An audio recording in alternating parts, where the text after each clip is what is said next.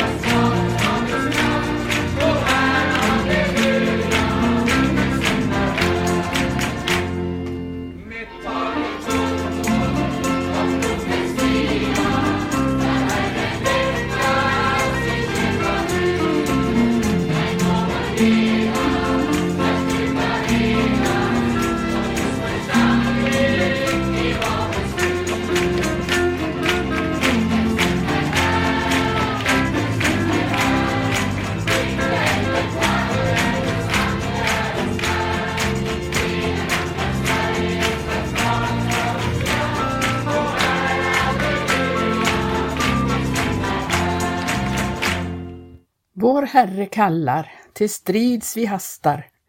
Nu är det heliga krigets tid. Det gäller livet, vi ber och fastar. Snart striden slutar i evig frid. Detta hörde vi sjungas av i en gammal inspelning från Maranata, församlingens begynnelse. Och det är precis det, så det är för oss som är kristna. Vi är inkallade i, i ett krig därför att vi lever i en konflikt mellan Guds rike och världen. Jag vill tala lite om det idag. Jag hälsar dig välkommen att vara med här eh, en halvtimme. Jag heter Gertrud Johansson och de här tingen skulle jag vilja ta upp idag. Och jag förutsätter att du som lyssnar har tagit emot Jesus och är en kristen. Så då vill jag uppmärksamma dig på detta att det är en strid vi är inkallade till. Därför att vi ska kunna vinna seger måste vi vara eh, medvetna om vad som gäller. Vi tillhör Guds rike som är i konflikt med världen. Vi läser i första Mosebokens eh, tredje kapitel och femtonde vers att Gud satte fiendskap. Det var Gud som satte fiendskap mellan vad då? Jo, mellan, eh, mellan din säd, säger han till ormen, och kvinnans säd. Eh, och, det, och det menas ju då de som är födda i eh, in i den den kristna världen, de är, det är kvinnans säd. Kvinnan är här en bild på församlingen, Guds rike. Och ormen, det är naturligtvis djävulen, Satans. Och Satans rike är världen. Eh, det system som Satan har byggt upp för att regera i den här världen. Eh, han har fått inte i, sin, i sitt våld, som det står. Världen är i den ondes våld och vi tillhör Guds rike som då är i fiendskap med denna, denna värld. Nu eh, skulle jag vilja ta upp hur det kan vara då och hur vi ska eh, tänka när vi kämpar den här striden. Vi lever i, i sen tid och i Uppenbarelseboken så kan vi läsa om de sju församlingarna, breven till de sju församlingarna. Jag har tagit upp det förut här i närradion och att jag tror att vi lever i Laodicea-tid. Och Laodicea var ju kännetecknet att de var ljumma. Och jag tror att den första och den värsta kampen vi som kristna har i vår tid, det är emot ljumheten och emot sömnaktigheten och också mot onykterheten, vilket eh, vi också kan läsa om i, i många bibelställen. Och jag tänkte att jag ska ta upp ett brev eh, som Paulus skrev och faktum är att detta var det första brevet som Paulus skrev, även om det inte står först av hans brev i Nya testamentet. Det är första Thessalonikerbrevet. Det skrev han till en ung församling som hade blivit eh, eh, kommit till därför att han hade varit där, Paulus, och predikat för dem.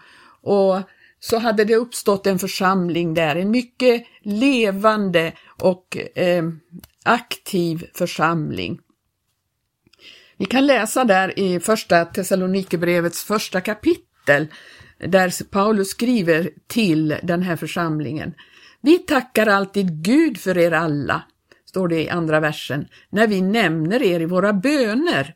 Ty inför vår Gud och Fader tänker vi ständigt på er gärning i tron, ert arbete i kärleken och er uthållighet i hoppet till vår Herre Jesus Kristus. Vi vet att ni bröder, Guds älskade, är utvalda av Gud Ty vårt evangelium kom till er inte bara i ord, utan i kraft och den helige Ande och gav full visshet. Ni vet ju hur vi uppträdde bland er och vad vi gjorde för er. Och ni blev våra efterföljare, ja, Herrens, när ni mitt under svåra lidanden tog emot ordet med den glädje som den helige Ande ger. Så har ni blivit ett föredöme för alla troende i Makedonien och i Akaja. Ty från er har Herrens ord gett återljud, inte bara i Makedonien och Akaja, utan överallt har er tro på Gud blivit känd, så att vi inte behöver säga något. Själva berättar de om hur vi blev mottagna av er och hur ni omvände er till Gud, bort från avgudarna, för att tjäna den levande och sanne guden och vänta på hans son från himlen, honom som Gud har uppväckt från de döda, Jesus som har frälst oss från den kommande vredesdomen. Här ser vi att det här var en församling som verkligen hade, hade kommit till mitt under förföljelser och lidanden. De var födda in i den atmosfär det handlar om, att vara i strid. Men de blev glada, de upplevde en enorm glädje därför att från dem eh, så kom ryktet om att de verkligen hade gjort en omvändelse. En omvändelse som, det var en tydligt förr och ett nu. Det var eh, en eh, total skillnad mot förr. Förut tjänade de avgudarna, nu tjänade de Gud, den levande och sanne. Och, och, nu väntade de på, på Jesus, på hans son från himmelen. De hade glädje, de hade glöd, de hade tro, de hade förväntan och de hade en tydlig omvändelse. Vi som kämpar med sömnaktigheten och ljumheten, vi upplever att det är väldigt lätt hänt att, att det blir en sammanblandning. Det blir en eh, oklarhet. Ljumheten är farlig, den vaggar in i en falsk eh, trygghet och att eh, man eh, kan till och med invagga människor och inbilla dem att de är kristna fast de inte är det. De har inte gjort en omvändelse, de har inte slutat att tjäna avgudarna och så eh, vaggar man in dem i en falsk trygghet och en falsk förhoppning och utan att förstå det så kan de ljumma tjäna Satans syften. Och de ljumma gör också fred med världen. Det, det är inte den kristnes uppgift att slu, sluta fred med världen och vara likadan som världen. Det ska vara en tydlig skillnad. Vad världen strävar mot, vad världen tjänar, vad världen eh, vill, det ska vara något helt motsatt mot det som vi som är kristna gör. Vi ska vara annorlunda, vi ska vara så tydligt eh, olika eh, världens barn så att det blir ett eko, ett genljud som det hade blivit här i Thessalonika. Det är också i vår tid en väldig fara att hamna i onykterhet och det handlar ju inte om eh, att dricka sprit i förhåll, eh, eh första hand utan det handlar om andlig onykterhet. Och då, då kan vi läsa om det i, i Johannes uppenbarelse där det handlar om eh, Babylon, det stora Babylon. Det står att eh, eh, i 18, Uppenbarelseboken 18 och eh, vi kan läsa där i andra versen där, där det står att den här ängeln kom och ropade Fallet, fallet är det stora Babylon, det har blivit en boning för onda andar, ett tillhåll för alla slags orena andar och ett tillhåll för alla slags orena och vederstyggliga fåglar, ty av hennes otukts vredesvin har alla folk druckit. Och man har på det sättet blivit onykter, andligt onykter. Och vi kan läsa fortsättningen där i Thessalonikerbrevet. Vi kan läsa eh, hur eh, Paulus förmanar denna unga församling att eh, han har många förmaningar till dem och han talar också om Herrens ankomst och att vi ska vänta på honom. Men och vi ska inte sörja som de andra när någon dör eller går hem till Herren. Men så skriver han där i femte kapitlet, eh, för vi han eh, tröstar dem med att Herren ska komma. Ty när en befallning ljuder en ärkeängels röst och en Guds basun, då ska Herren själv stiga ner från himlen och först ska de som dött i Kristus Jesus uppstå. Därefter ska vi som lever kvar lever och är kvar, ryckas upp bland moln tillsammans med dem för att möta Herren i rymden och så ska vi alltid vara hos Herren. Trösta därför varandra med dessa ord. Detta var en tröst för dem som levde i konflikt och hade en strid att kämpa. Och så står det i femte kapitlet om tider och stunder, bröder, behöver vi inte skriva till er. Ni vet själva mycket väl att Herrens dag kommer som en tjuv om natten. När folk säger fred och trygghet, då drabbas det av undergång lika plötsligt som smärtan kommer över en kvinna som ska föda, och de slipper inte undan.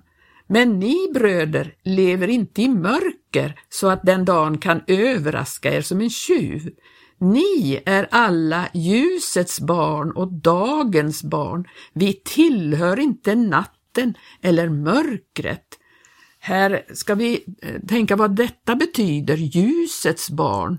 Jo, det handlar om att vi har ljus över tingen som händer i världen. Vi är medvetna om den strid vi är inkastade i. Vi är inte insomnade så att inte vi är medvetna om kampen. Eh, han talar till människor som faktiskt är andligt vakande. Vi måste förstå att den här fiendskapen så att vi vakar över att inte vi blir inblandade i någonting som inte är eh, behagligt för Gud. Och så står det i fortsättningen där kapitel 5 och eh, sjätte versen. Låt oss därför inte sova som de andra utan hålla oss vaka, vakna och nyktra. Ty de som sover, de sover om natten och de som berusar sig är berusade om natten. Men vi som hör dagen till, låt oss vara nyktra, iförda tron och kärleken som pansar och hoppet om frälsning som hjälm. Ty Gud har inte bestämt oss till att drabbas av vredesdomen, utan till att vinna frälsning genom vår Herre Jesus Kristus. Han har dött för oss för att vi ska leva tillsammans med honom, vare sig vi är vakna eller insomnade. Uppmuntra därför varandra och uppbygg varandra så som ni redan gör. Eh, här handlar det ju om de som är insomnade i att de har dött och eh, ska uppstå och tillsammans med oss ryckas upp Herren till mötes. Eh, och så fortsätter han sina förmaningar här i eh, första Thessalonikerbrevet 5 till de här människorna. För han, eh, han vill ju påminna dem att vi är inte, vi hör inte natten till, nej vi hör dagen till, vi hör ljuset till. Och vi är vakna och vi är nyktra. Vi har inte berusat oss med det sjökovinets berusande vin, där vi tror att allting, ni vet ju hur en berusad människa är, den är inte uppmärksam på saker och ting. Den tycker att eh, det är Eh, allting går bra man, man ser inte klart, man eh, har inte klara, eh, klar uppfattning om sin omgivning. Därför är det också så med den andligt onyktre. Han kan inte se skillnaden, han kan inte se gränserna mellan världen och, och Guds rike. Nu är det ju så här att vi vaggas in, som jag sa, i en falsk trygghet och vi kan ju se klart att i många i många andra länder så får ju människor uppleva en faktisk eh, förföljelse för sin tro. Och de upplever verkligen en kamp. Och, och ehm, de ska vi verkligen bedja för. Det, det, står ju det, vi ska tänka på de som är fångna. För att vi själva har ju en kropp och, och vi ska vara väldigt eh, eh med i deras kamp genom att be för dem, att de kan hålla ut. Men jag skulle vilja säga det att i vår tid och vår värld här så är världen precis lika fientlig och farlig som den är i de länder där man får uppleva en konkret förföljelse. Därför där blir gränserna ganska tydliga. Här i vår tid och i de här länderna där man inte upplever en sån konkret förföljelse, där är det mycket svårare att se gränserna. Och då måste vi vara medvetna om det, att det är en väldigt farlig eh, värld vi lever i, för världen har förfinat sina metoder att utöva förföljelse. Man, man kan göra det genom att eh, locka människorna in att eh, bara du eh, gör avkall på det eller det så får du fred och så får du eh, Eh, leva tryggt och, och snällt och vi låter dig tro vad du vill men sprid inte ut det, se till att eh, dina barn kommer ut i, i världens eh, eh, skolor och sammanhang där vi kan indoktrinera dem. Det är bara en, ett exempel på hur, hur den här världen gör för att bedra och lura människorna. Det finns så många områden. man, man eh, lockar människorna med fördelar, precis som Sodoms konung gjorde en gång i tiden när Abraham hade stridit och så kom Sodoms konung och erbjöd honom belöning för vad han hade gjort, för, eh, även för Sodoms konung. Och då säger Abraham, jag vill inte ha ens en, en klöv, jag vill inte ha någonting av dig, du Sodoms konung. Abraham var medveten om att om jag låter honom ge mig någon slags eh, favörer så är jag såld till honom. Nej, men Abraham, han gav sitt tionde till Melkisedek, en helt annan konung, som gav och Abraham sin välsignelse istället. Sådana ska vi vara, vi ska ge allt åt Jesus som är vår konung och inte denna världens furste. Vi ska inte låta honom lockas in på vägar som är otydliga och eh, vaga, där gränserna suddas ut mellan världen och Guds rike. Nej, vi, vi ska leva till vår Herre kallar, till strids vi hastar. Nu är det heliga krigets tid. Jag citerar åter den här sången. Detta är vad vi lever i. Vi måste förstå den här kampen. Eh, och så fortsätter Paulus sina förmaningar här i Thessalonikerbrevet, eh, Eh, femte kapitlet, fjortonde versen. Vi uppmanar er bröder, tillrättavisa de oordentliga, uppmuntra de missmodiga, ta er an de svaga och ha tålamod med alla. Se till att ingen lönar ont med gott. Sträva istället alltid efter att göra gott mot varandra och mot alla människor. Var alltid glada, be oavbrutet och tacka Gud under alla livets förhållanden. Detta är Guds vilja med er i Kristus Jesus. Släck inte anden, förakta inte profetior, men pröva allt, behåll det goda eh, och håller borta från allt slags ont. Må fridens Gud själv helga er helt och fullt och må er ande, själ och kropp bevaras hela, så att ni är utan fläck vid vår Herres Jesu Kristi ankomst. Trofast är han som har kallat er, han skall också utföra sitt verk. Ja, han ska utföra sitt verk och det, vi ser här att vi behöver, vi behöver be alltid och vi behöver profetior. Vi ska inte förakta dem, men vi ska pröva dem. Vi ska inte tro på alla slags profetior därför det finns falska profeter. Det kan vi se i Petri brev, hur han varnar för falska profeter. Och eh, vi ska inte vara förvånade över att vi får vara, eh, vi får vara utsatta för eh, prövningens eld. Eh, det står i Petri första brev att vi ska inte vara förvånade över den eld som vi måste genomgå till vår prövning, som om det hände vår något oväntat. Nej, gläd er, ju mer ni delar Kristi lidanden, då ska ni också jubla och vara glada när han uppenbarar sig i härlighet. Saliga är ni om ni hånas för Kristi namns skull, ty härlighetens ande, Guds ande, vilar över er. Och eh, i eh, Petri första brev kapitel 5 så står det i åttonde versen, var nyktra och vaksamma. Er motståndare djävulen går omkring som ett rydelejon och söker vem han skall sluka. Gör motstånd mot honom, orubbliga i tron och tänk på att era bröder här i världen utstår samma lidanden. All nåds Gud som har kallat er till sin eviga härlighet i Kristus, han skall upprätta, stödja, styrka och befästa er sedan ni en kort tid har lidit. Tänk att denna strid, den får alla som verkligen är vakna och nyktra uppleva, men och jag har tänkt också på att vi ska inte älska själva striden eller älska själva eh, detta med att känna sig heroisk och modig och allt det där, det är inte det vi ska älska, utan vi ska älska Herren Jesus Kristus. Och är det hans kärlek som driver oss, då hamnar vi i det här, men då har vi också en tröst i Kristus, därför att när vi får lida med honom, då har vi också tröst i honom.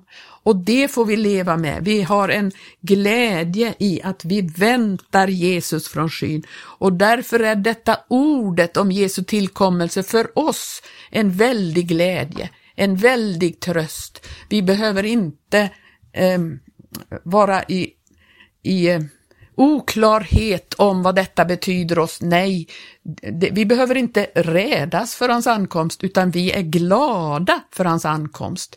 Vi har en sån, ett sånt hopp så att det är det som håller oss uppe och levande, för vi vet att vi tillhör honom och vi tillhör inte den här världen.